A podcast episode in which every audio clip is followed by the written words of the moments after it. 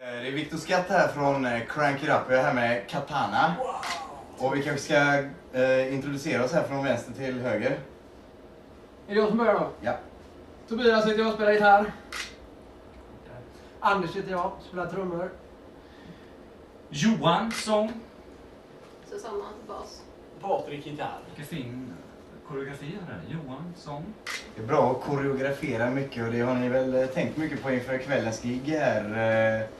Ni kör ju eh, releasepartyt här för andra gången på Sticky Top Floor för skivan Storms of War. Jajamän. Och eh, Fast första gången så var det för skivan Heads for the Road. Så vi har inte haft två releasepartyn för... förra gången blev det ju slutsålt och ikväll så räknar vi med att det blir ett jäkla ös också. Hur känns det nu inför den här kvällen? Stormigt, krigiskt och alldeles, alldeles underbart. Jag har hört att eh, scenshowen ska vara något eh, som ni aldrig riktigt har testat innan men att det ska vara jäkligt stort och påkostat. Stämmer bra. Ja, det, vi kan ju säga att vi hade inte så jävla mycket tid till soundcheck för vi var ju tvungna att testa allting annat väldigt mycket. Eh, Men å andra sidan så vet vi ju hur bra vi låter så att vi var ju inte så nödvändiga med det utan det... Det bästa var ju att testa allting annat. Jajamän. Ja, Fast det låter bra också, det, har vi konstatera. Så det, vi måste ju få gotta oss lite åt hur eh, fantastiskt det känns att ha den här showen. ja, det var väldigt fräckt att få allting... eh, Få se allting så som vi har tänkt det. Det var, det var fräckt. Det är ju den 12 idag när skivan släpps just här på plats men den 16 släpps ju skivan annars. Och det är ett ganska speciellt datum. Kan ni berätta lite om det? Den här mannen, ja, hans band, Ronny Dio dog den 16 maj just då. Så det, det blir ju någon form av eh, hyllning till honom så att säga.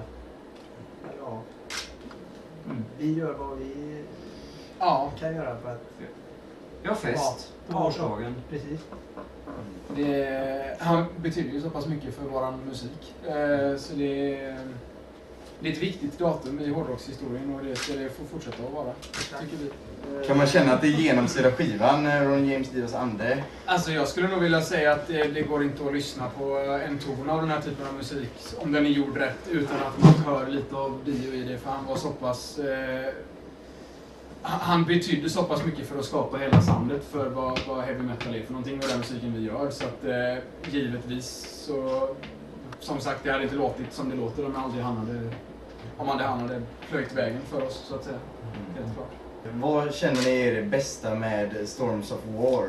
Det är ju en mer helhet så att säga. Man hör ju en helhet i plattan så att säga. Det, det är inga, vissa, vissa låtar går görfort, vissa är lite tyngre, vissa är hårdare sådär. Men det är ändå ett sammanhang så att säga. Man hör att det, det hör ihop allting. Ja, de kommer från en eh, ganska kort tidsperiod, alla låtarna. De, de hänger ihop tidsmässigt. Det- Ja, och det är väl just det, alltså framförallt, alltså... Inte nog med att låtarna är mer som en helhet, att vi har mer hittat vad som är vårat sound, utan att, alltså även Ambula Rocks produktion är ju så ohyggligt mycket bättre den här gången, för vi verkligen, vi hade en sån medveten tanke med allting redan från början och vi spelade in, varenda ton är inspelad med den, så att säga, tanken i åtanke, så att det eh, det blev en jävla samlad, ja det är som Anders säger, det är en, en helhet på den här skivan som är vilket gör att det bästa med skivan, det är helt enkelt skivan. Ni har ju spelat på Wacken och ni har spelat på Sweden Rock. Hur blir det? För det, den här publiken är ju liksom er publik på ett helt annat sätt. Känner man sig extra liksom utelämnad och det är mer som står på spel? Eller hur känner ni? För, för min egen del så tror jag nog att när man spelar på sådana större tillställningar då, då kan man tillåta sig själv mer innan att verkligen insupa att det kommer att hända och att man liksom blir spänd av och förväntansfull och allt det här va. Eh, när det är en sån här grej mer, då, då, då är det mer att man inte riktigt klarar av att tänka på det förrän man väl står på scenen och ser folk. Eh, så det är så mycket annat att hålla reda på på en sån här tillställning. Eh, men då blir det desto större pepp när man väl går på scenen och liksom inser att nu kör vi.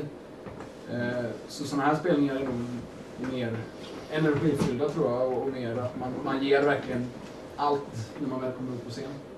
Det är så mycket som släpper. Liksom.